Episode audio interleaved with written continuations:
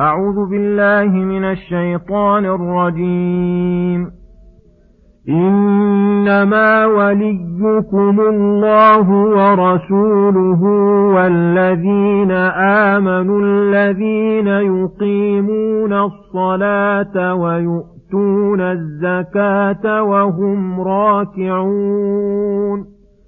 ومن يتول الله ورسوله والذين آمنوا فإن حزب الله هم الغالبون يا أيها الذين آمنوا لا تتخذوا الذين اتخذوا دينكم هزوا ولعبا من الذين أوتوا من الذين أوتوا الكتاب من قبلكم والكفار أولياء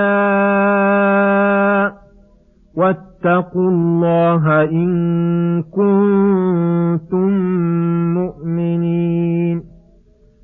وإذا ناديتم إلى الصلاة اتخذوها هزوا ولعبا.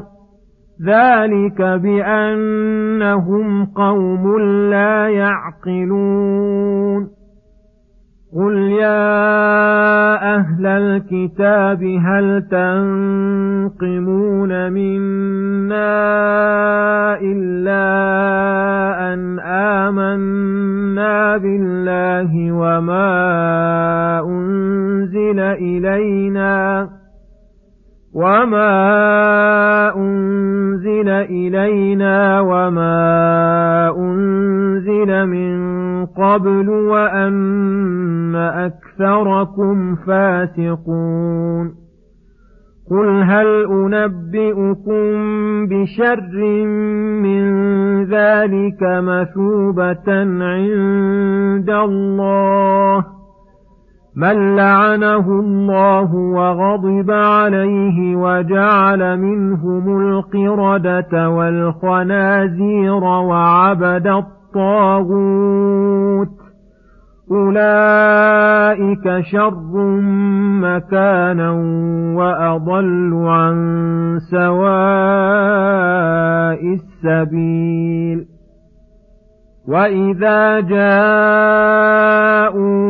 قالوا آمنا وقد دخلوا بالكفر وهم قد خرجوا به والله أعلم بما كانوا يكتمون وترى كثيرا منهم يسارعون في الإثم والعدوان وأكلهم السحت لبئس ما كانوا يعملون.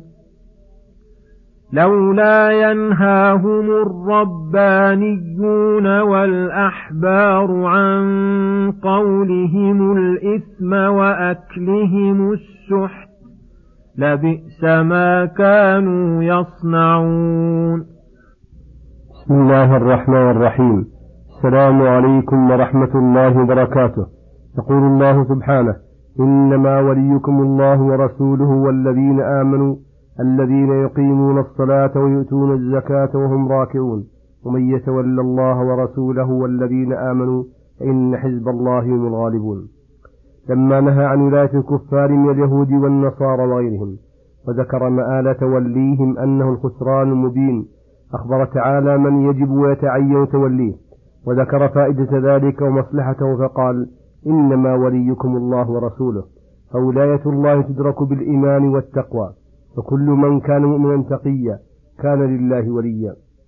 ومن كان لله وليا فهو ولي لرسوله من تولى الله ورسوله كان تمام ذلك تولي من تولاه وهم المؤمنون الذين قاموا بالإيمان ظاهرا وباطنا وأخلصوا للمعبود بإقامتهم الصلاة بشروطها وفروضها ومكملاتها وأحسنوا للخلق وبذلوا الزكاة من أموالهم ومستحقيها منهم.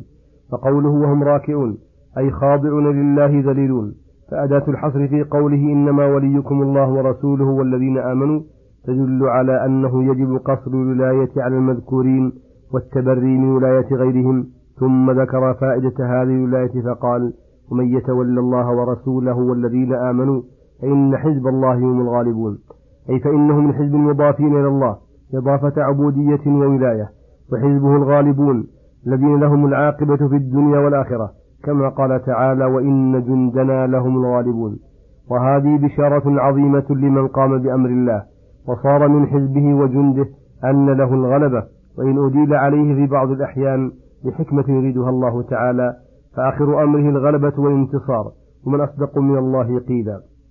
ثم يقول سبحانه يا أيها الذين آمنوا لا تتخذوا الذين اتخذوا دينهم هزوا ولعبا من الذين أوتوا الكتاب من قبلكم الكفار أولياء واتقوا الله إن كنتم مؤمنين.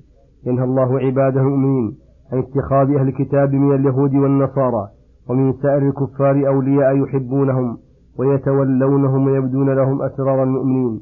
ويعاونونهم على بعض أمورهم التي تضر الإسلام والمسلمين وأن ما معهم من الإيمان يوجب عليهم ترك موالاتهم ويحثهم على معاداتهم وكذلك التزامهم بتقوى الله التي هي امتثال أوامره واجتناب زواجره مما يدعوهم إلى معاداتهم وكذلك ما كان عليه المشركون والكفار والمخالفون المسلمين من قدحهم في دين المسلمين واتخاذهم إياه هزوا ولعبا واحتقاره واستصغاره خصوصا الصلاة التي هي أظهر شعائر المسلمين وأجل عباداتهم.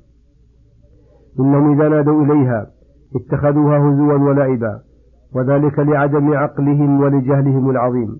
إلا فلو كان لهم عقول لخضعوا لها ولعلموا أنها أكبر من جميع الفضائل التي تتصف بها التي تتصف بها النفوس.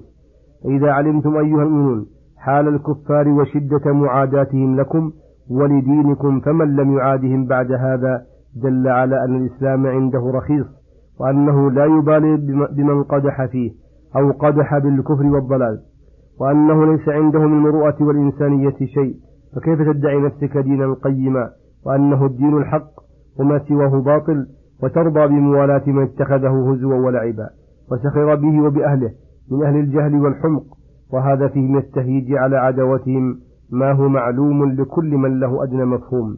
ثم يقول سبحانه قل يا أهل الكتاب هل تنقمون منا إلا أن آمنا بالله وما أنزل إلينا وما أنزل من قبل وأن أكثركم فاسقون.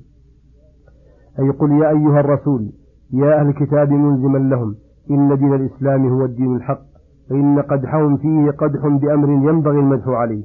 هل تنقمون منا إلا أن آمنا بالله وما أنزل إلينا وما أنزل من قبل وأن أكثركم فاسقون. أي هل لنا من العيب إلا إيماننا بالله وبكتبه السابقة واللاحقة وبأنبيائه المتقدمين والمتأخرين وبأننا نجزم أن من لم يؤمن كهذا الإيمان فإنه كافر فاسق. هل تنقمون منا بهذا الذي أوجب الواجبات؟ بهذا الذي أوجب الواجبات على جميع المكلفين. ومع هذا فأكثرهم فاسقون.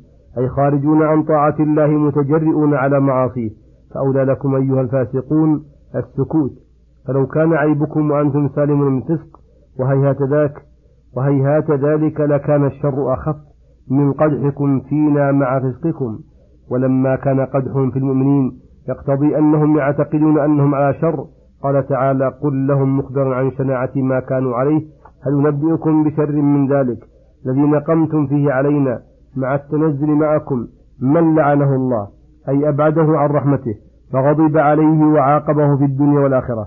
وجعل منهم القردة والخنازير وعبد الطاغوت وهو الشيطان وكل ما عبد من دون الله فهو طاغوت. أولئك المذكورون بهذه الخصال القبيحة شر مكانا. من المؤمنين الذين رحمة الله قريب منهم. فرضي الله عنهم وأثابهم في الدنيا والآخرة لأنهم أخلصوا له الدين. وهذا النوع من باب استعمال أفعال التفضيل في غير بابه. وكذلك قوله وأضلوا عن سواء السبيل. أي وأبعدوا عن قصد السبيل.